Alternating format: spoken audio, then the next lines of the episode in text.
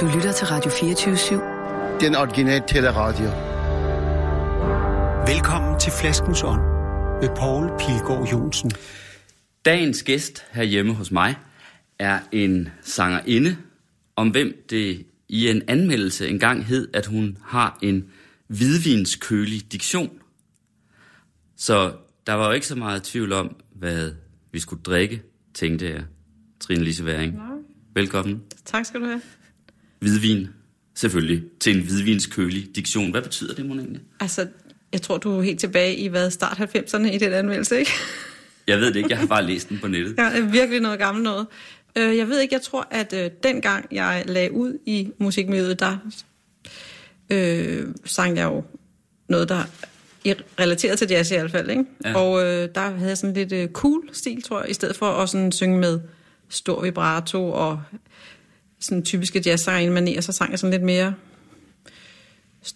cool. Cool jazz er jo også en genre, ikke? Ja. Og så tror jeg, det var derfra, sikkert de har... Der, derfra kom Ja, hvidvinskølig. det er ikke noget, jeg selv har fundet. Nå, jeg drak også altid hvidvin på scenen. Det har nok... Gjorde du Øh, associ- ja, det gjorde jeg faktisk. Okay. Så det er nok... Øh, det gør jeg altså ikke mere, men... Jeg tror, Hvorfor det, gør du ikke det længere? Øh, jeg tror bare ikke, jeg drikker så meget på scenen. Ej, lidt en gang imellem, så tager jeg som regel en øl. Jeg er blevet en ølpige med årene. Sådan, ikke? Er du det? Jeg kan også virkelig godt lide hvidvin stadigvæk, men måske ikke på scenen. Sådan. Her i flaskens ånd, der skal du ikke være en ølpige, der skal du være en hvidvinspige, ikke? Jamen, det er også- Og er øhm, også. flasken, den står jo lige her ved siden af, og den er helt, den er dukket udenpå, som et tegn på, at øh, den er godt kølig ind i. Det er dejligt. Det er lige, hvad jeg har lyst til. Og jeg har faktisk øh, på flere måder lyst til den her vin. Fordi det er... Jeg skal lige have... Piller lige kapslen af her først. Altså det øverste af den, ikke? Øhm, det er faktisk sådan, at et af de mest oversete hvidvinsdistrikter, efter min mening, det er, det er Bordeaux.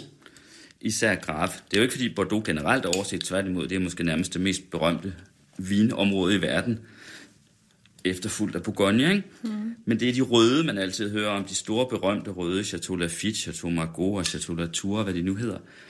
Men rent faktisk laves der, gudskelov, så den sidder fast, stadig hvidvin i Bordeaux, og især i Graf, og allermest især i den del af Graf, der hedder Pessac Léognan, og der kommer den her fra.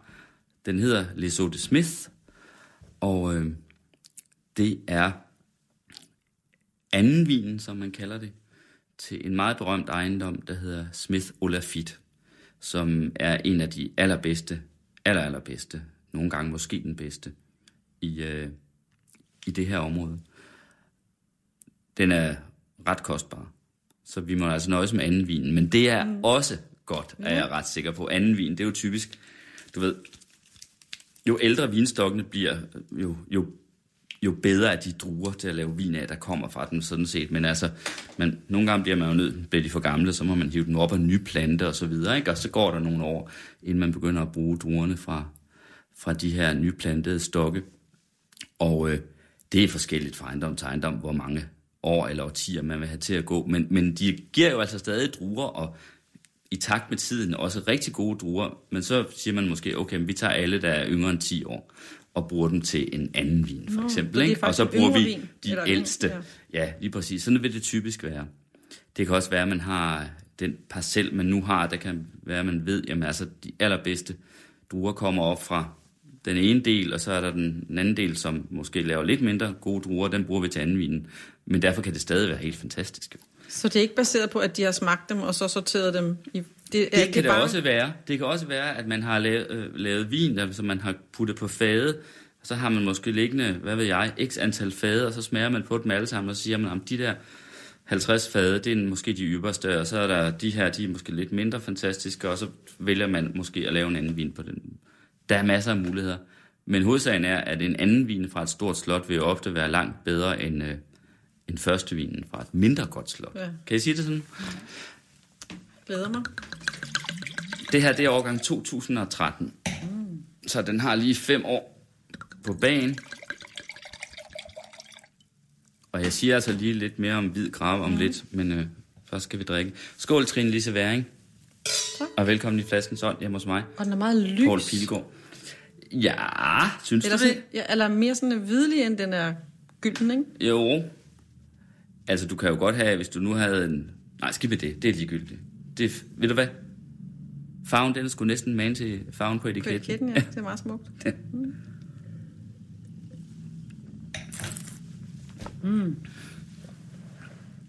Åh. Oh.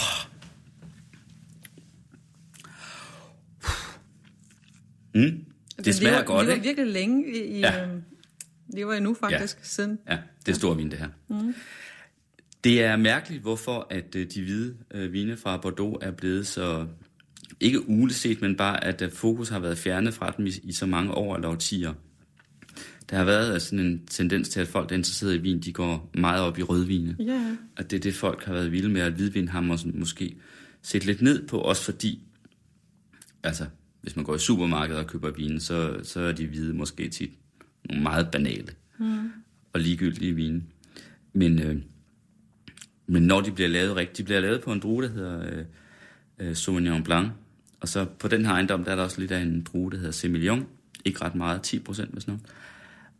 Og, øh, og det giver sådan nogle tørre, men samtidig, øh, hvad skal man sige, sådan nogle ret øh, modne. Mm. Jeg ved ikke, om man kan kalde det det, modne vine. Altså sådan, der er en vis opulence i det. Der er noget opulenthed i det også, ikke? Samtidig med, at der er en sådan fin tørhed. Virkelig fin tørhed. Mm. Og jeg synes jo, at øh, sådan noget hvid Bordeaux smager helt vidunderligt. Så jeg er glad for, at du er en hvidvinskølig. Ja, ja, ja. at du har en hvidvinskølig diktion, og derfor kan serveres ja, Øh, med hvidvin her. Du har lige udgivet en plade, ikke? Jo, Du går ind ad en dør, ja, hedder den, ja. i starten af september. Hvor, hvorfor Ja. hedder den det? Øh, det hedder, altså der, der, var, der er et nummer på den, der hedder Du Ja. ja. var en af dør, og det er sådan lidt et, øh, for mig et kernenummer, og så handler den lidt om, eller altså, jeg synes titlen, den sådan, øh, siger noget om, at det er selvfølgelig fordi, altså, det har, nu har jeg selvfølgelig hele teksten i hovedet, så det siger selvfølgelig mere for mig, end bare titlen i sig selv, men altså, det handler om det der med, at man øh, tager nogle beslutninger, man går som ind ad en dør, og så har man taget den der beslutning, og det kan godt være, at man lader døren stå på klem, men man går ind i det her rum. Okay. Og øh, i resten af sangen, der bliver det ligesom sådan noget mere eksistentielt med, at øh, de beslutninger, vi tager, de, den vej, vi går, forandrer os. Så det der med, at vi siger til hinanden, at man kan altid gå til at komme tilbage og så tage en ny beslutning, det er ligesom løgn. Man kan godt skifte retning, men man kan ikke... Øh, øh, Gør beslutninger man om? kan ikke gøre beslutningerne om, Nej. Nej. fordi man er blevet forandret. Man kan godt skifte... Altså, man kommer ikke tilbage til udgangspunktet i hvert fald, for mm. man, den vej, man har gået, det har ligesom gjort noget ved en. Mm. Så for mig er det ligesom hele det kompleks, at nu er jeg nået hertil, og så øh, har jeg taget den beslutning og gået ind ad den dør, og det er ligesom summen af alle de oplevelser, jeg har mm. været igennem. Og hertil, det kunne jo for eksempel, det kan jo være mange ting, men det kunne jo for eksempel også være det sted, man er nået øh, i ens alder, ikke? Jo, Jeg har lige haft fødselsdag. Det har jeg også næsten lige her. Mm. Jeg bliver 53. Så er vi jo lige gamle. Du bliver også 53. Ja, ja. Det kan vi måske snakke lidt mere om, for jeg tænker, at, øh, at det må være, det er måske lidt sværere at, øh, at være sangerinde som 53-årig, end at være journalist som 53-årig. Eller radiovært i Flaskenton, hvad ved jeg? altså på nogle måder er det jo svært, man kan sige, øh, øh, at øh, forventningerne til, hvad man kan bidrage med som voksen kunstner i lige præcis musikmiljøet, altså man bliver ikke ligefrem øh, væltet af forventninger til alt det, man skal bidrage med, vel? fordi der er en meget lav forventning til, at man overhovedet kan bidrage med noget, der er interessant. Ikke? Og det kæmper man selvfølgelig med. Ikke? At, Mm. øh, og man kan sige, at alt, hvad der er nyt, får jo tvivlen kommer det til gode. Og det forstår jeg godt, og sådan skal det være, fordi ellers kommer vi jo ingen steder hen. Men det, man kan selvfølgelig godt føle, det er sådan lidt øh, tungt, at, øh, at øh, altså, At det altid er de nye og unge, man vil have, om jeg så må sige. Nej, men bare at... Øh, Eller at hypen er der. ja, måske ikke. Det, det er jo interessant, Trine Lise Wanger, at tale med dig om det, fordi som det fremgik af det, jeg sagde i begyndelsen, så har jeg jo siddet og, og læst om det på nettet mm. og fundet gamle anmeldelser og sådan noget. Ikke? Og øh, bare lige et par citater her. For eksempel øh, det her citat fra en anmeldelse. En overset ener på den danske musikscene om Ja, dig. Mm. Øh, og samtidig, jeg tror ikke, det var i den samme, men det kunne det godt have været, øh, stod der, at du altid har budt på umanerlig kvalitet, mm. når du sang. Så jeg har øh, alene ud fra det lidt fået indtrykket af, at, øh, at det for dig også har været en kamp. Altså at blive ved med at lave musik og kunne leve af det, forsøge at leve af det, have en karriere. Ja, altså jeg vil sige, det er det for alle. Altså Ja. det er ikke, det der er jeg jo ikke særligt felt, vel, fordi jeg, alle kæmper jo med det, ikke? Øh, men man kan sige, at mus, altså, lige den kunstform er måske sådan lidt særligt reserveret til øh, altså ungdommens vildskab, ikke? Og der mm. kan det være lidt svært at få plads på hylden for dinosaurer, ikke? Altså, for der, der er godt nok mange mænd i forvejen, der sidder der, ikke? Og der er næsten ingen øh, voksne kvinder der. Selvfølgelig også, for, altså, der er måske, jeg ved ikke, hvorfor der ikke er, det er jo noget, det er også noget med, at man kan lidt undre sig over det med at have et livsværk og et konstant kvalitetsniveau, ikke i sig selv øh, er noget, der er, øh, hvad skal man sige, erhverdigt, ikke? No, mm. Og det er det ligesom ikke, det er bare lidt kikset, man bliver ved, hvorfor holder du ikke op, altså når mm. det ligesom ikke, du ved. Men altså, det er jo ikke en, øh, altså nu kommer også til at lyde lidt som om, at, altså det handler jo heller ikke kun om succes, vel? Når man er kunstner, så handler det jo om, at man ikke kan lade være, og det er en eller anden øh, overlevelsesstrategi, man har. Så det er jo ikke sådan, at man bare kan tage et andet valg og sige, det her, det, nu tjener jeg ikke så mange penge, eller noget, men altså nu... Altså, jeg har taget flere uddannelser i mit liv, og troet, at nu skulle jeg skifte bane, men altså, så er jeg alligevel blevet hængende det her, fordi jeg er så optaget af det. Jeg er fuldstændig øh, vild med musik, ikke? Altså også som forbruger eller som lytter, og sådan, jeg... Ja. Så det, det, det kan ligesom ikke rigtig være anderledes, må jeg bare konstatere.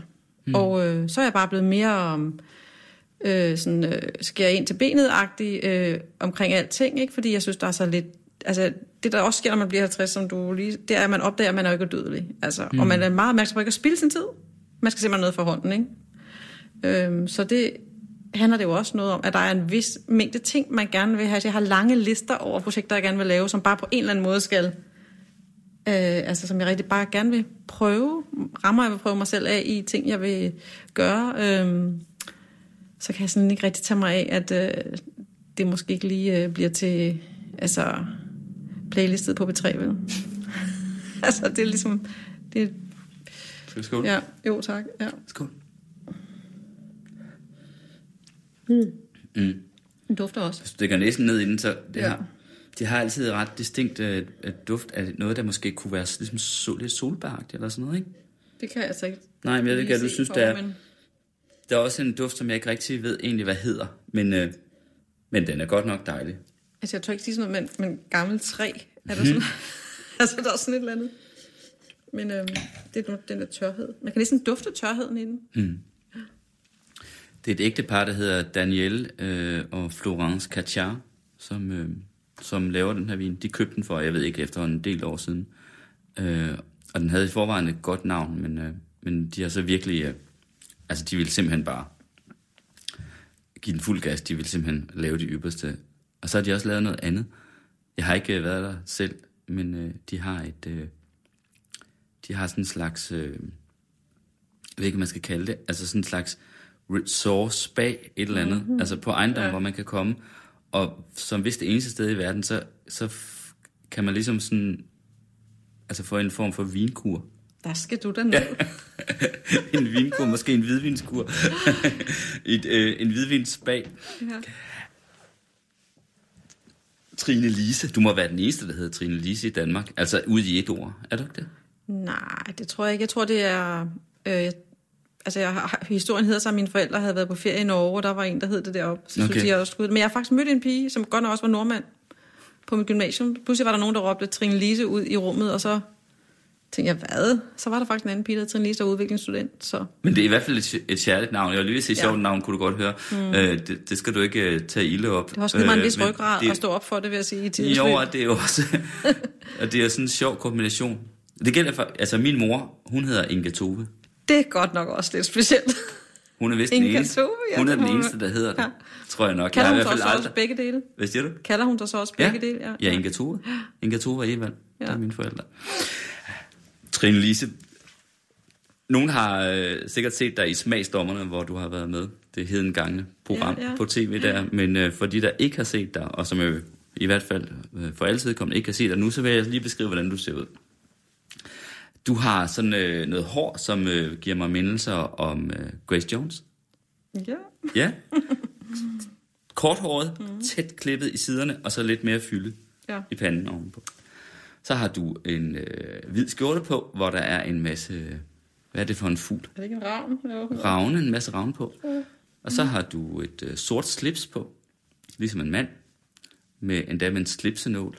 Øh, og så har du, lad mig lige se, i det ene øre har du en, to, tre øreringe med huller, ikke? Og lad mig se det andet, der har du sådan en.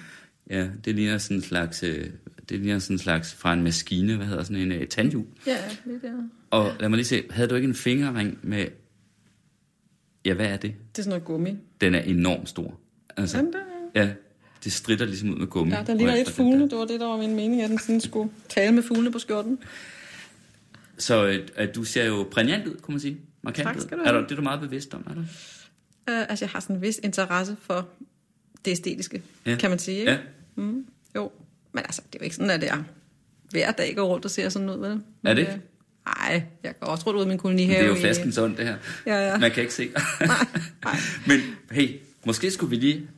Må jeg ikke lige sætte et billede af Jo, det her? det må du da gerne. Fordi, det gør jeg lige med min telefon her, fordi jeg gør jo faktisk det, at jeg øh, hver søndag lægger programmet ud. Jeg tror lige, jeg flytter i vinen herovre. Øh, på Facebook, når det har været sendt om lørdagen, øh, så lægger jeg et link ud, og så lægger jeg som regel også et billede ud af gæsten, så man kan se, hvordan det ser ud her.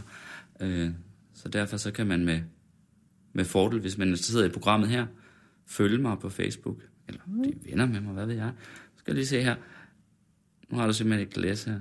Så nu tager jeg nogle billeder af dig. Mm. Tak. Øh, men hvorfor lige, øh, hvorfor lige øh, øh, det outfit, eller den stil? Det yder.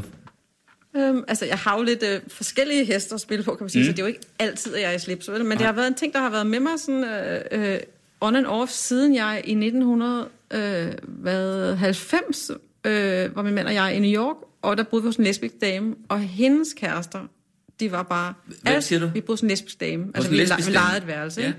Vi var der over et år, og hun havde en masse kærester, der var butch, altså bare kom i drengetøj, og de så alle sammen utrolig lækre ud. Så det er jo simpelthen, det har jeg simpelthen Ja. ja. haft med det fra den gang. Så jeg har haft, altid haft slips og sådan, du ved. Ja, for jeg var lige ved at sige mm. det før, at der er jo noget drengepige over dig. Ja, Ja.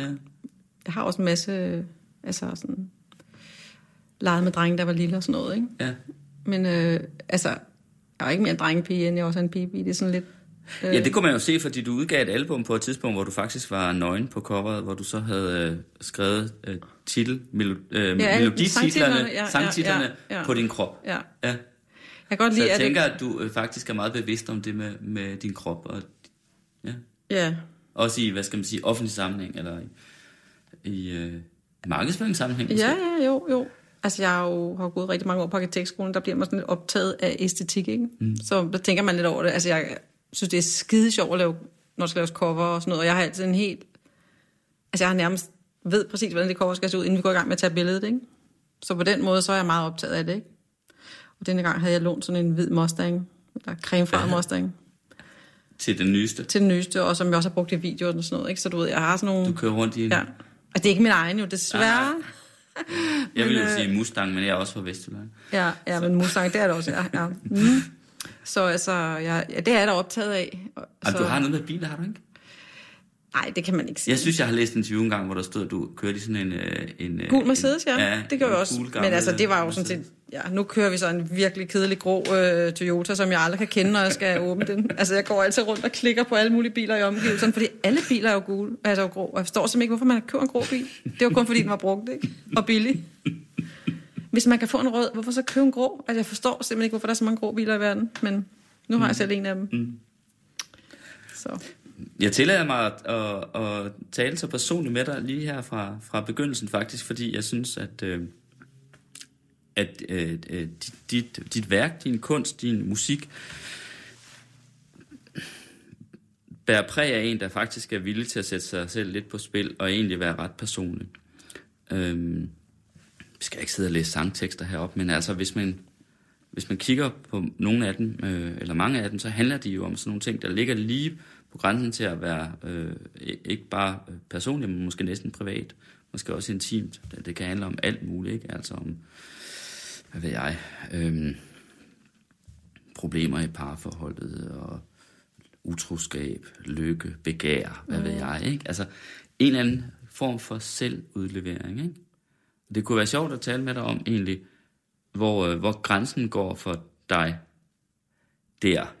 Altså, fordi jeg jo ved godt, at jeg ved jo godt, man kan ikke tage en sang sådan en til en, altså en Nej. sang til en til en og sige, det er Trine Lise Væring 100% her. Mm. Der er noget autofiktion over det, ikke? Altså, Præcis. der er både noget Trine Lise, og så er der måske et eller andet tildigtet, og det gælder jo også nogle af, at der udkommer mange autofiktive romaner Ja. i de her år, ikke? Men hvad er egentlig dine, at, at, at, hvad er egentlig dine egne tanker om det? Altså, man kan jo meget hurtigt sådan, så blive opfattet som, at alt, hvad jeg nu synger om her, øh, det er faktisk mig selv.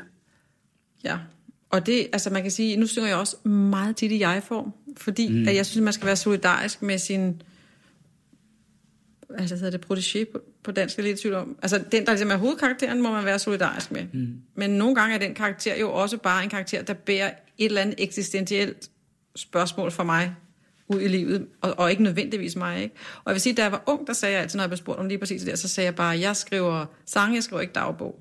Mm. Men altså nu er jeg selvfølgelig godt klar over, at der er et vis element af dagbog i det, ikke? Mm. men omvendt, altså så vil jeg sige, hvis det er virkelig, altså jeg er jo voksen, og jeg har gjort det, jeg har skrevet, hvad ved jeg, 300 sange måske i mit liv, mm. og hvis det virkelig er noget, jeg ikke synes skal ud i det offentlige rum, så, vent, så skriver jeg muligvis sang, men venter fem år med at synge den.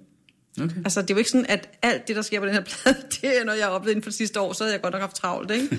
og øh, det er også masser af ting, der, det kan jo også være noget, altså noget, jeg bare er blevet optaget af, en veninde har fortalt, jeg har digtet videre på, eller det kan være, hvad skal man sige, nogle drømme og længsler, man har, eller noget, man er bekymret for at kunne ske, så skriver man det ud. Altså, jeg vil også godt, nu er jeg ikke lige blevet skilt, vel, men det kunne godt være, at jeg skriver en sang om skilsmisse. Det er jo ikke det samme som, når du møder mig på gaden, at du kan sige, Nå, Trine, nu går det ikke så godt derhjemme. Men, men altså, jeg vil sige, at øh, det gjorde en stor forskel, at jeg begyndte, altså, da jeg begyndte at synge på dansk. Fordi når man synger på engelsk, så kan man faktisk sige nogle rabiate sandheder, altså som vidderligt er en til en, men som alle oplever som en abstraktion, og ingen stiller en til regnskab for. Når man synger på dansk, så kan man blive stillet til regnskab til den næste familiefest, ikke? Hvordan er det nu med, øh, og så videre. Har du oplevet det? Det har jeg oplevet, ja. Altså, jeg har op, altså, bare en, en bekendt, du ved, der sådan, jeg har også mødt folk i, sådan, i, du ved, i baren i, på et spillested, der synes, de kendte mig lige lovligt rigeligt, hvor jeg tænkte, nej, du kender mig faktisk ikke. Altså, men på den anden side, så hører det jo også til det, at man stiller sig op på scenen, der er man jo sig selv. Altså, jeg er jo spiller jo ikke skuespil, jeg er ikke en character, jeg er mig selv, når jeg mm. er på scenen. Men det er jo ikke det samme som, at alle tekster handler om mig. Men det er jo mig, der siger dem, og det er jo mig, der har fundet på dem, kan man sige. Mm. Så på et eller andet sted mm. kommer det jo ud af noget, der er inde i mig, og øh, jeg synes heller ikke, det kan nytte noget, at man lægger fingrene imellem, fordi altså, man bliver nødt til ligesom at tro det ren røv på en eller anden måde, hvor at, øh, jeg synes, jeg faktisk har oplevet en del af kolleger, som jeg oplevede som meget gode sangskriver, så fik de på sin kone eller en kæreste, så blev de nogle meget kedelige sangskriver, fordi så blev alting enten øh, metafor belagt på en måde, fordi de ikke tog at sige noget lige ud, eller også blev det bare sådan øh, hemmeligheder, og de begyndte at skrive røverhistorier. Mm. Så man må også på en eller anden måde være modig, fordi hvad skal man ellers bidrage med? Så er jeg også heldig, at jeg gift med en kunstner, der ligesom godt forstår, hvad der skal... T- altså han forstår godt, at det er så min kunstform, og der kan han jo ikke sådan sidde og lave censur på. Mm. Så det, Har du nogensinde oplevet at have skrevet noget, som rent faktisk var, var, var sandt, om man så må sige, eller rigtigt, eller handlede om dig, som nogen så er blevet ked af? Eller øh, ja, det har jeg oplevet en enkelt gang. hvad skete der? Og så, altså, det er så faktisk så privat, at jeg øh, tale om det, men øh, det betyder så, at den sang synger så ikke så meget mere. Altså, men jeg håber faktisk, den kan komme tilbage igen, for jeg synes stadig, det er en meget god sang. Vil så det er ikke tale om det lidt- uden navn, og altså bare sådan helt anonymiseret? Jo, men altså, det handler også noget om hjemme i min forretning derhjemme, ikke? Altså, at der var noget, der ligesom på en eller anden måde... Ja, med din forretning, altså det er dit ægteskab. Det er mit ægteskab, ja. ja. Ja. Øh, ja, og du... Altså, ja. Så det, det er selvfølgelig ikke så smart, altså på en eller anden måde. Man skal jo ikke sige noget i en sang, man ikke tør sige i virkeligheden, kan man sige. Men det gjorde du. Det kom jeg til, ikke? Fordi det var så åbenbart så magtpålæggende for mig at sige det. Men det kan også være, det var min måde at sige det på, kan man så sige, ikke? Men det var selvfølgelig ikke super... Øh, altså, og det har jeg også, derfor læser jeg med meget interesse hver gang de der forfattere, de kommer ud og skide, fordi jeg synes, altså jeg kan godt forstå problematikken, altså virkelig. Altså at deres koner og øh, Ja, eller det, det, de, og de samfund, de har været ude nærmestående- bo i. Jeg kan huske, at en brygger var ude at bo i et eller andet samfund, og skrev en bog om den bagefter, så blev folk vældig sure, og mm. også, hvad hedder han, øhm, Knud Romer der. Altså, mm. det er da super interessant, øh, hvad der sker med de mennesker, man... Øh, nu kan man sige, at sange er jo sådan rimelig... Altså, man, det kan jo aldrig blive... Altså, det er jo en meget kort tekst, ikke? Så man kan jo ligesom ikke... Altså, man nævner jo ikke folk ved navn og beskriver, hvordan de ser ud, som de har gjort i nogle af de der romaner. Nej. Så, og jeg vil sige, at øh, det er heller ikke vigtigt for mig, at man kan øh, genkende nogen som helst mennesker, og de fleste af dem har ikke et bestemt person. De er en konglomerat af mange ting, ikke? Øh, fordi det, der er vigtigt for mig, er jo egentlig, at folk Altså, jeg blev meget glad for, at den anvendelse, det har været i politikken, hvor Kim Skotte, og nu kan jeg så ikke huske formuleringen, men han skriver, at det bliver brugt til at gøre almindelige menneskelige erfaringer øh, til et eller andet. Altså, det, det er jo ikke vigtigt for mig, at folk ligesom kigger på mig og tænker, nå, sådan har hun det. Det er vigtigt for mig, at de tænker, ja, det er sådan, det er. Altså, mm. de skal helst tænke, at det er en sang om dem. De skal jo ikke tænke, at det er en sang om mig. De skal helst ligesom, du ved, mm. se sig spejle sig selv i det på en eller anden måde. Det er jo det, der er planen, ikke? Ja. Det er jo ikke særlig interessant, hvor folk sidder og stiger på mig. Nej. Og der kan man jo sige, at det bliver lidt interessant, hvis der er sådan en stor øh, aldersskævhed i, i den musik, der bliver lavet. Altså hvis det mest er unge mennesker, der ja, laver musik, det fordi så er det jo ja. måske nogle andre erfaringer, der bliver videre. Det er, altså, det, det, er jo, det er jo en selvforstærkende ting, at hvis jeg skal, hele tiden skal høre musik om at være nyforelsket, ikke? så tænker jeg, at musik det er ikke noget, det er ikke min øh, kunstform, vel? for det handler ikke om mig. Fordi du har været gift i hvor mange år? I over 30 år, ikke? ja, over 30 år, ja. Øhm, så du ved, altså... Så er der musik, som, øh, som modne mennesker ikke kan spejle sig i. Altså, der findes jo rent faktisk øh, både nogen, der har været gift i 30 år eller, eller mere, øh, og det er jo ikke kun et spørgsmål om at blive skilt osv., der kan også være masser af andre menneskelige erfaringer, som øh, ikke bliver videreformidlet, Ja. hvis ikke man har ret mange, der skriver Altså- sange, når de kommer op. Altså jeg Øh, plejer at sige, at tænk hvis man sagde til alle forfatterne, at de kun havde et skud i bøssen eller to, og så skulle de holde op. Så ved man godt, at vi vil være gået glip af noget vigtig litteratur, ikke? Mm. Men i musikmiljøet mener man, at det første og andet skud i bøssen, og så kan du ellers bare sejle din egen sø. Altså der har man ligesom bildt sig ind, der er i det eller andet øh, øh, miljøets ligesom... Øh, Trav, ikke traume, men sådan, øh, det, det hedder så, det var altid den første plade, der var den bedste. Altså, mm. du ved, det er ligesom sådan et øh, ting, man siger, hvorfor i alverden skulle det være den eneste kunstform, hvor den første plade er den bedste? Det er virkelig uforståeligt. Mm. Så altså, hvis ikke man får lov at have et livsværk, at der er færre og færre, der får lov at have et livsværk, det er kun, hvad skal man sige, dem af os, der er virkelig insisterende og nærmest maniske omkring det, der bliver ved, ikke? Altså, de andre, de altså, kigger jo lidt bare på og tænker, nej, det kan man sgu da ikke leve af, og så fader de væk. Og det forstår jeg udmærket godt. Men så bliver der jo heller ikke særlig mange af de der livsværk. Øh, men altså, det er jo ikke sådan, at der sidder nogen og har bestemt, at de der voksne kunstnere, de skal ikke komme til. Sådan er det jo ikke. Altså, det er jo også noget at gøre med, at der ikke er så meget penge i os, fordi at vores publikum er nogle andre steder, at de ligesom... Øh, altså unge mennesker er super optaget af musik, og så sker der et eller andet, når folk får familie og børn, og de på de der 15 år midt i livet skal præstere alt på alle de andre arenaer, og så bliver musik bare sådan et uh, mm. nice to have, hvis vi lige overgår, og vi tilfældigvis fik noget at bestille babysitterne og sådan noget. Ikke? Altså, og derfor kan vi jo så, kan det også være lidt svært, når man ikke har sine egne sådan med sig for alvor, fordi ens egne, de jeg fik ikke bestilt en babysitter, eller hvad. Nu er jeg jo så ved at blive så gammel efterhånden, så man kan begynde at håbe på, at, øh, at de der børn er blevet så store, at, øh, At forældrene får tid til at komme ud. Ja, og at øh, folk så gider jo høre noget ny musik, ja. For så er der jo mange, der kun vil høre det, de hørte, da de var unge alligevel. Det er det. For så vil de bare tilbage til det. Men altså, det, det, det skal jo nok gå på en eller anden måde. Nu er det jo gået i hidtil, så Skal vi ikke drikke? jo, det skal vi da. Skål.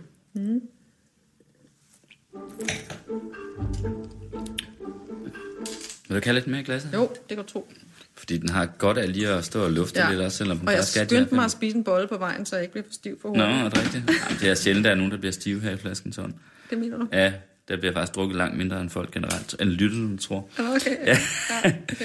Men forhåbentlig så udøver vinen sin, øh, sin, øh, sin virkning alligevel, fordi jeg mener jo, at øh, vin kan, kan virke inspirerende på en måde, der ikke har med alkoholen at gøre, men som er en eller anden kraft, der bor i vinen. Jeg ved ikke, hvad det er. Flaskens ånd kalder jeg den, Ja, ikke? ja.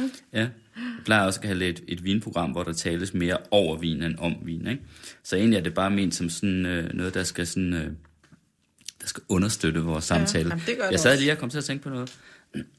at det er jo egentlig meget interessant, fordi du nu har er en, øh, en øh, sangerinde, der har skrevet meget musik, der ligger sådan på, hvor der i hvert fald er en vis grad af selvudlevering i. Ikke? Mm. På en måde så burde det jo være lige til tiden, fordi det er jo en meget selvudleverende tid, vi lever i, Ja. kan man sige. Ikke? Jeg synes også, at jeg Altså, det er jo ikke kun spørgsmål om Ja. reality shows Nej, og, ja, og så videre, ja. men det kan man også se i romaner Ja. og Ja. litteratur. og så videre. Ja, men ved et, og jeg vil sige, jeg har det også selv sådan nogle gange, når jeg ser film, så tænker jeg, og den der historie, er det sådan noget, der virkelig er sket? Nå, hvis det ikke er virkelig er sket, jamen, hvorfor så lave filmen? Og det skal jeg lige minde mig selv om, at det kan man jo sagtens. Mm. Altså, at, øh, det, det, du, så du har ret, at man er ligesom blevet lidt fodret med, at tingene skal næsten være dokumentaristiske, ikke? Mm. Øh, ja. Men så mener jeg da også, at jeg er øh, til tiden. Men øh, det er jo så spørgsmålet mm. om, hvordan... Hvorfor tror du, Men hvorfor tror du egentlig, at det der, øh, altså, at der kommer den, den øh, tendens i retning af det selvudleverende? Øhm, ja, det ved jeg faktisk ikke, men er det ikke bølger? Fordi, jeg vil så sige, nu har det fået et navn, autofiktion, men det har jo altid eksisteret. Ja. Altså, Jeg tænker på, at det er måske som om, der skal lidt mere til for at berøre folk, altså, eller hvad man skal Ja. sige. Altså, Måske er der også med mændene at komme ind på den arena, fordi oprindeligt var der rigtig mange kvinder, altså hvis man tænker på Erika Jong og, Ja. og hvad hedder, mm. Susanne Brygger og sådan noget, og, og, mm. og, og der blev det bare sådan, at jeg kan også huske, i starten, da jeg skrev sange, der gik øh, de fleste mandlige sangskrivere meget op øh, i at sige, at øh, det ikke handlede om privatsfæren. Det var sådan meget, øh, så var man ikke fin. Altså det fine var at skrive om de store ting i livet, ikke? Og så kunne kvinder ligesom rode rundt i det der privatsfære noget, ikke? Men nu er alle jo endt derovre. Så man kan sige, at øh, nu, nu er mændene jo også derovre, så nu er det pludselig blevet fint. Mm. Fordi at nu er det også mændenes arena, ikke? Nu er det ikke bare kvindelitteratur og kvindemusik. Nu skal det ligesom for alle. måske skal der faktisk også mere til at påvirke folk følelsesmæssigt nu om dagen. Ja, det vil du gerne. Den End før. pointe var du også lige luftet lige før. Ja. Det ved jeg ikke, om er rigtigt, men måske. Det, det har jeg ikke nogen mening om. Altså, Det er jo bare øh, slående, hvor meget der ligesom... Altså, der er jo en, sådan en motor, der kører også i for eksempel reality-verden Ja. og så videre, der ligesom skal mere og mere til, ikke? Altså for at det er virkelig interessant. Men der er selvfølgelig...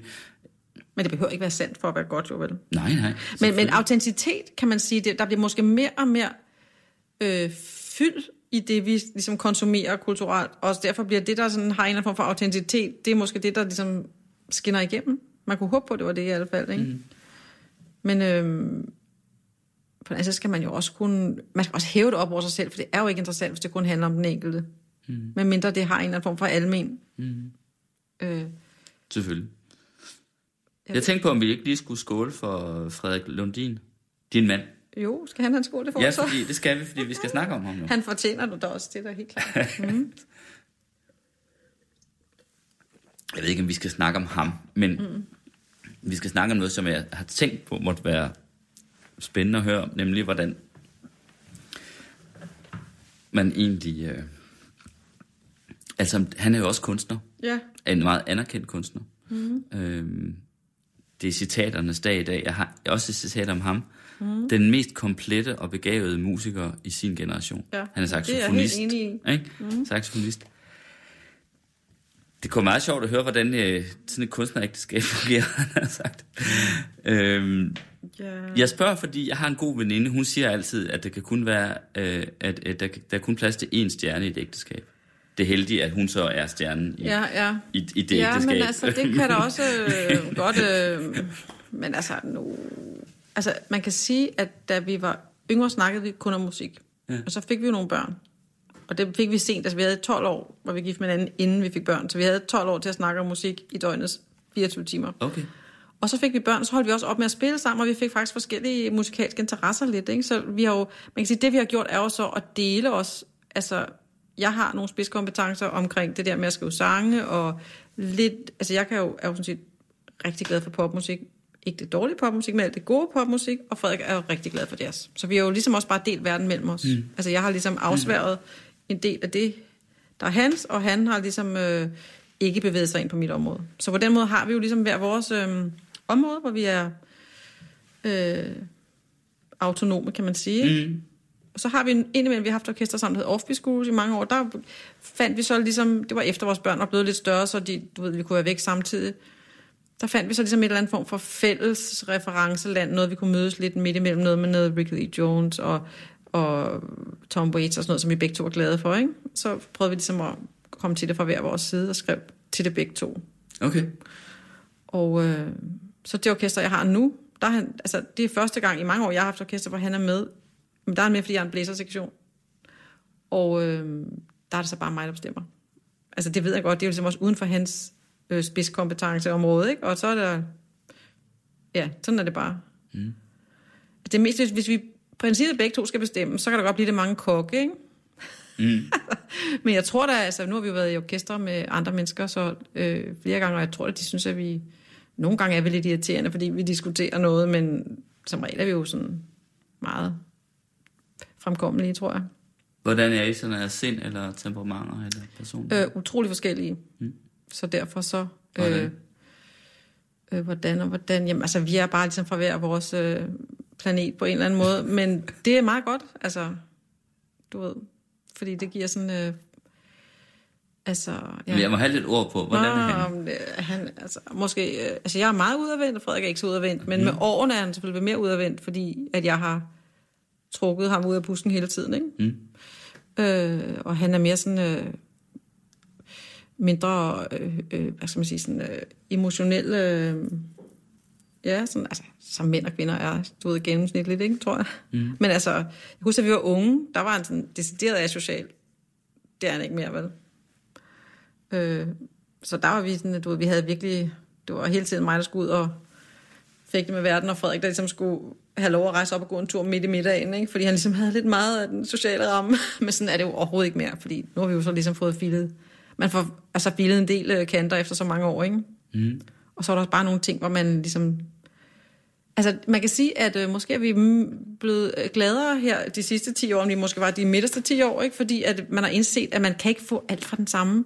Det, det ligger ikke på den anden skulder at opfylde alle ens øh, behov, så vi må gøre nogle ting hver for sig, som er vigtige for den, vi nu er, og så ligesom øh, mødes øh, med det, vi så har oplevet. Ikke? Mm. Altså, så det er ikke alle fester, jeg insisterer på, Frederik skal gå med til mere. Jeg går bare selv, og han går til nogle jazzkoncerter, jeg ikke nødvendigvis... Øh, han med det samme kan sige, det er nok ikke noget for dig, skat. Hvor vi i mange år, ligesom, du ved, synes, at vi skulle gøre det sammen. Mm.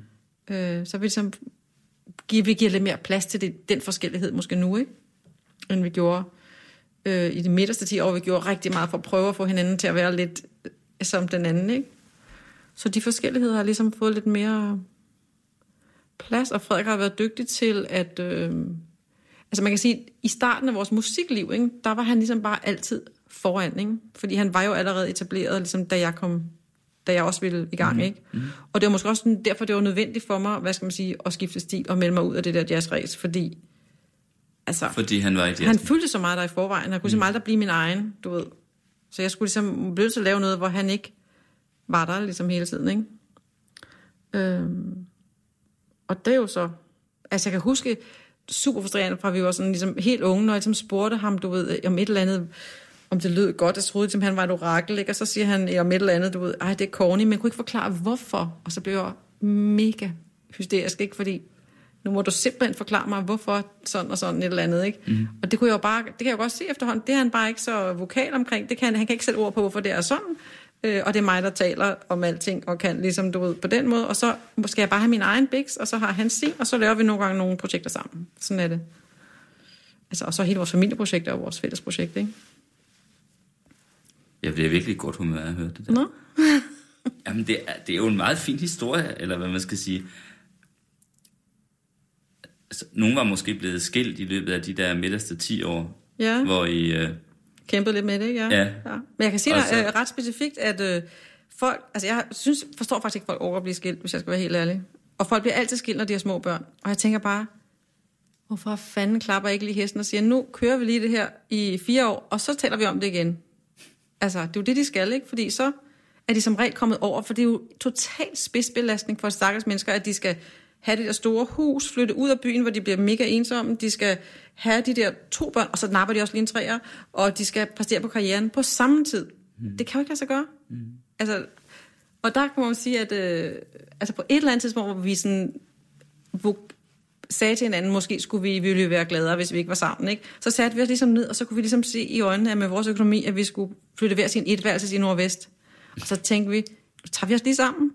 Så går der år, og så kører, kører øh, toget jo igen. Ikke? Altså, så man, det er også et spørgsmål om at have et lidt længere øh, perspektiv, i stedet for ligesom at tænke, jeg kan ikke holde ud nu, øh, nu, nu må jeg bare ud af det her. Så jeg synes, at på en eller anden måde har vi været meget dygtige til at måske hjulpet på vej, at vi havde så en dårlig økonomi, at en skilsmisse ville blive så utrolig ubehagelig for os alle sammen. Ikke? At vi ligesom tænkte, nej, det kan simpelthen ikke være rigtigt nu. Altså, nu giver vi den lige et skud mere. Og så nivellerer tingene sig, og så kører det igen. Ikke?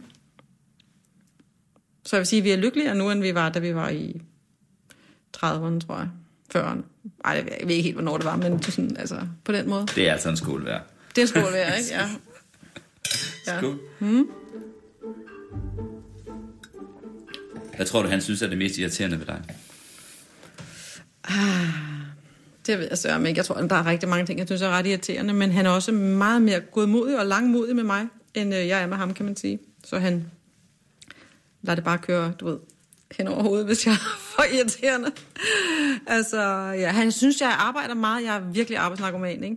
Og det synes han nogle gange er utrolig irriterende. Lige indtil han selv har travlt med et eller andet. Mm. Hvis han ikke selv har travlt lige med noget, så synes, tror jeg, han synes, at det er utrolig irriterende.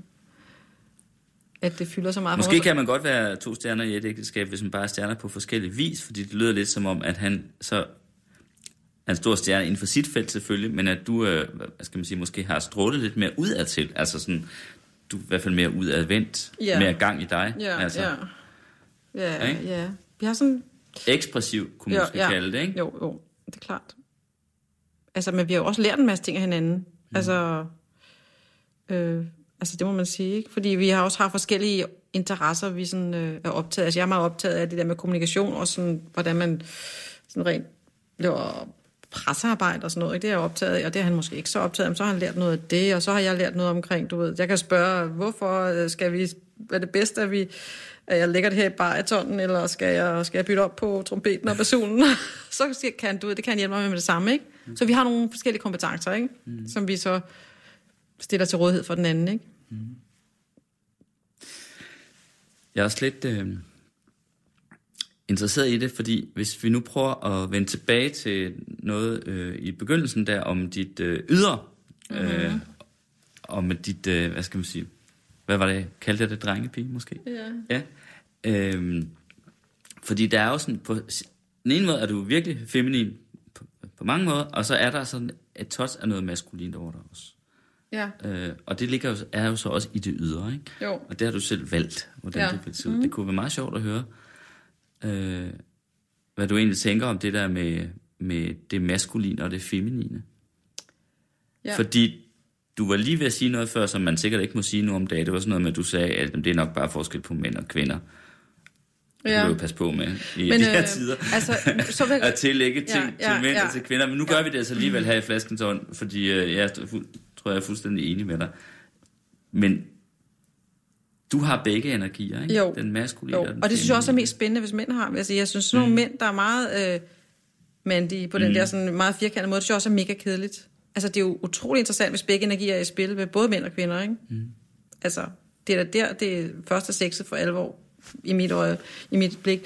Men altså, nu vil jeg øh, lige tale om en video, fordi den handler faktisk om det, den video, jeg har lavet til mit album, fordi der starter jeg i, i Okay, Habit, den- det nye album, Ja, der ja. starter jeg Ja. i Habit og Slips, Ja. og så på et tidspunkt, og så kører jeg den her bil afsted, og sætter mig ind i bilen og kører, så går jeg på et tidspunkt om, stopper bilen, går om, og så åbner bagagerummet, og så kravler jeg selv ud som kvinde, og så sætter jeg mig ind på bagsædet øh, i kjole. Og det er jo ikke, fordi jeg ikke føler mig selv som kvinde foran bilen i jakkesættet, øh, det er bare, at det er to sider af mig, og mm. jeg skal huske, hvad skal man sige, at give plads til hende der med kjolen på, silkekjolen på nede i bagagerummet.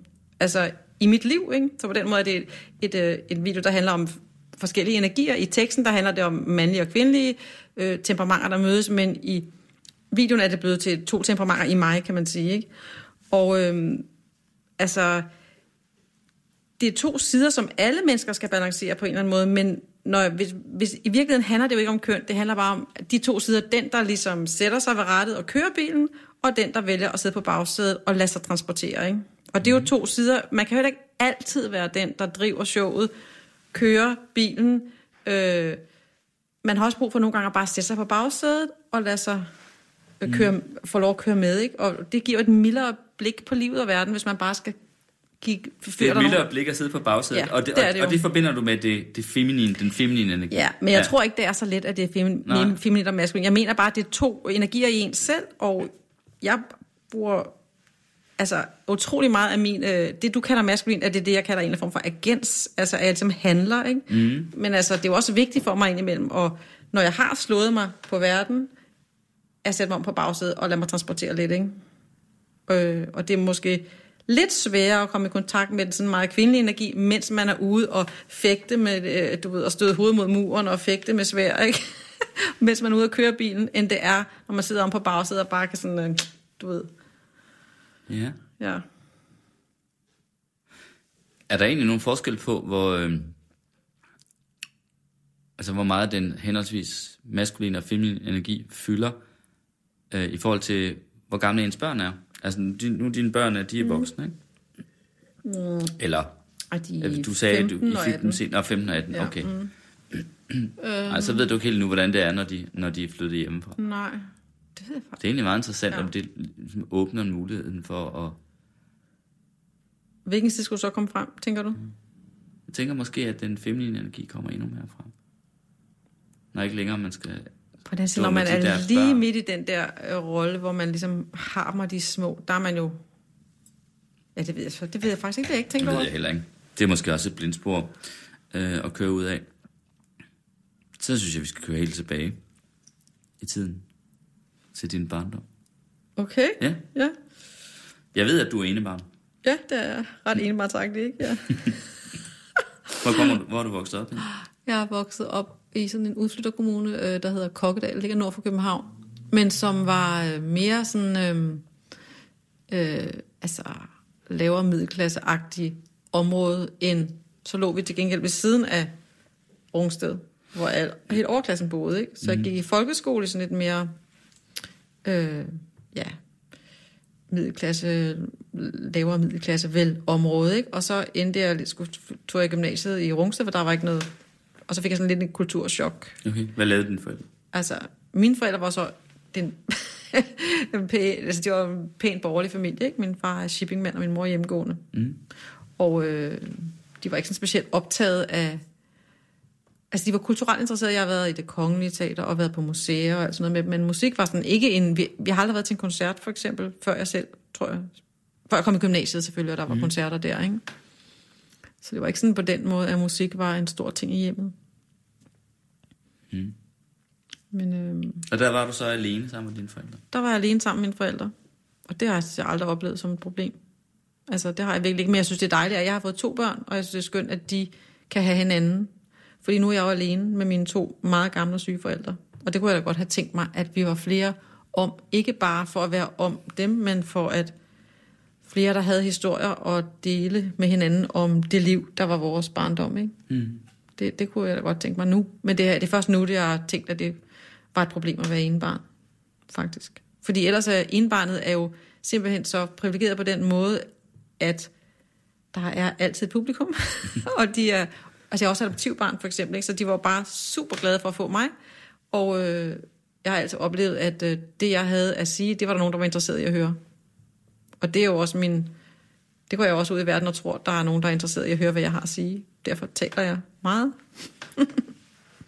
Så du har, det er måske lidt dumt ironisk udtryk, men fået det ind med modermælken. Ja, det kan man sige. Jeg øh, har jo ikke fået at modermælken der. Nej, præcis. Men, øh, men alligevel, altså, at der rent faktisk er, at der er et publikum Ja, ja, det kan man til sige. det, at, du, øh, øh, ja. til det, du kommer med. Ja, det var de utroligt dygtige til Ja. at lade mig øh, føle. Kan være, det er derfor, at, du er blevet scenekunstner. Ja, jamen det kan Det det godt da være, ja. Ja. Altså jeg har selv Det er en long virkelig... filosofisk betragtning, Ja. men, men alligevel. du er adoptivbarn. Ja, ja. Adopteret. Hvor gammel Men- var du da? Øh, et halvt år, tror jeg, eller sådan noget. Altså det er ikke noget, jeg kan huske jo. Ved du noget om dit biologiske ophav? Øh, ja, det ved jeg faktisk godt. Jeg ved, at min far var spansk, for eksempel. Det kan du se på mit sorte hår, ikke? Mm. Men jeg kender hverken min... Øh, jeg kan Og dine også, br- brune øjne først og fremmest. Mine Du har jo virkelig øh, ja. spanske øjne, ikke? ja, jeg har sådan set også spansk hår, men nu er det blevet lidt gråt, så du kan ikke se det. Det var Grace Jones år. det var det, var Grace Jones, ja. Det er det, hun kom ind i billedet. Og hvad med ja. din mor? Uh, min mor var dansk, og jeg kender godt hendes navn.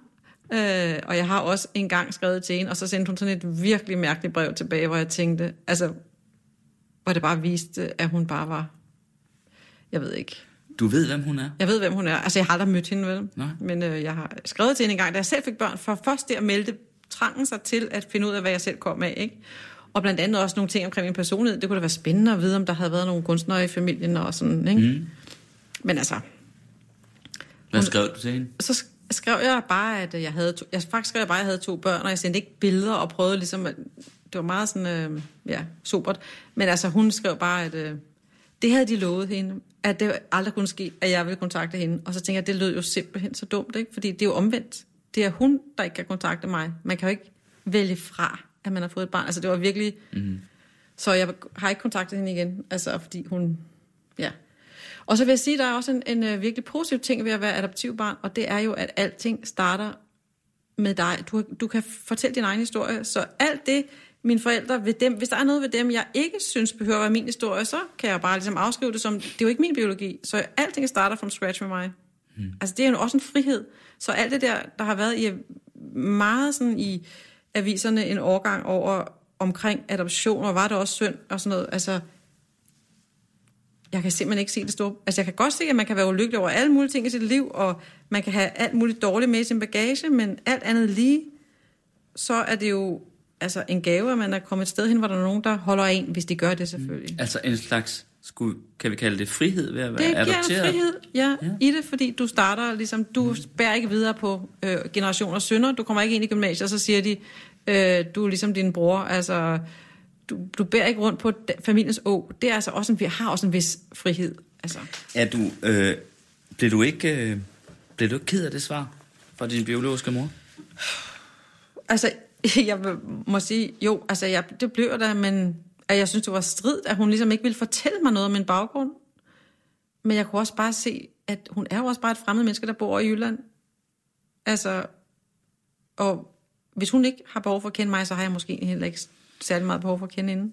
Altså, for det er jo de mennesker, der, mine forældre, dem jeg har levet med, de holder jo af mig, de elsker mig, jeg elsker dem. Øh, så måske har jeg ikke behov for at kende et menneske, som holder det ud i strakt arm, og som, altså, men altså, jeg, jeg det går og tænker på, hvis jeg læser en dødsannonce, mm. så vil jeg blive ked af det og tænke, du ved, ej, nu skulle jeg måske alligevel. Men altså, hun sagde ikke til mig, at du har nogle søskende. Det var det, jeg håbede, jeg måske havde nogle søskende og sådan noget. Og jeg tror, at den måde, hun svarede mig på, øh, altså hvis en hver sådan, med et almindeligt følelsesliv ville have sagt, hvor er jeg glad for at høre fra dig, og jeg har tænkt på dig hvert år til din fødselsdag, eller et eller andet, du ved. Det ville man have sagt, bare fordi man var et ordentligt menneske. Når man ikke siger det, så er der altså et eller andet, øh, man har lukket fuldstændig af. Der er sådan et eller andet i en, der er blevet frosset ned, ikke? Jo. Fordi nu er jeg jo selv børn. Jeg ved da godt, at altså, jeg tvang hende jo ikke. Jeg spurgte ikke engang, om vi skulle mødes eller noget. Jeg ville bare høre lidt om omstændighederne omkring min, min adoption. Og det, altså, hvis man ikke vil ud med det, så tror jeg ikke, man er ved at sammen på. Nej. Men det må da godt nok også være svært at tænke om sin egen mor på en eller anden måde. Jamen det er jo ikke min mor, ikke det er jo bare et, et menneske, jeg har noget biologi til fælles med. Hmm. Fordi der har jeg jo igen haft mulighed for, hvad skal man sige, at altså jeg er jo ikke mere eller mindre på grund af hende. Jeg er jo det, jeg er ligesom. Hmm. Altså det her hænger jo selvfølgelig også sammen med, at de forældre, jeg har haft, har været dygtige til at elske mig. Og det kan være, hvis man er adopteret, og de forældre, man møder, ikke elsker en. Og ikke giver plads til den forskellighed, der jo helt klart er, fordi man er jo ikke af det samme blod, så man er jo noget andet. Altså det er man jo. Hvis de ikke kan give plads til det, så er der selvfølgelig store problemer ved at være menneske. Mm. Altså sammen med de mennesker, man så er tvunget til at leve sammen med, og ikke kan... Altså det er da klart, det kan jeg sagtens forstå. Men altså mine forældre var dygtige nok til at give plads til den, jeg var, og give mig fornemmelsen af, at det jeg var, det var noget særligt eksotisk og fint. Altså det har de faktisk gjort, ikke? Ja. Yeah. Så altså det var først, øh, ja. Så jeg har ikke, altså jeg ville da gerne have... Hvad var du lige ved at sige det? Nej, øh, bare jo. at øh, det er først her lige senere år, at det der med at blive eksotisk har fået sådan lidt øh, odiøs klang, og folk kan... Jeg blev overrasket over, at jeg flyttede til København, og folk som sagde, nej, hvor taler du godt dansk? Og så tænker jeg, hvad? altså, du ved, fordi... At, altså, jeg, spansk siger du altså heller ikke. Nej, men der havde jeg jo langt sort hår med krøller ah. og sådan noget. Jeg så det mere eksotisk ud. Så lignede jeg måske en sød tyrkisk pige fra Nørrebro, ikke? Og så synes jeg, det var flot, at jeg talte dansk. sådan. Men altså, øhm, ja. Jeg synes egentlig, at øh, det, har ikke, det har ikke været noget stort øh, sådan, øh, i mit liv egentlig, andet end det har givet en vis frihed. Og jeg selvfølgelig er nysgerrig efter min baggrund. Så hvis hun havde givet fortælle mig noget, eller mm. sagt, at min far var et eller andet, altså du ved, altså, så ville jeg da gerne have kendt ham, eller have en stor spansk familie. Det ville jeg synes, det var spændende. Tyrefægter måske. Fuldstændig ja, rigtigt. Ja. Eller Juan Carlos øh, forbyttede datter. Men, øh, Men til gengæld, Trine Lise Væring, mm. så fik du en øh, scene at stå på, lige fra du var helt lille.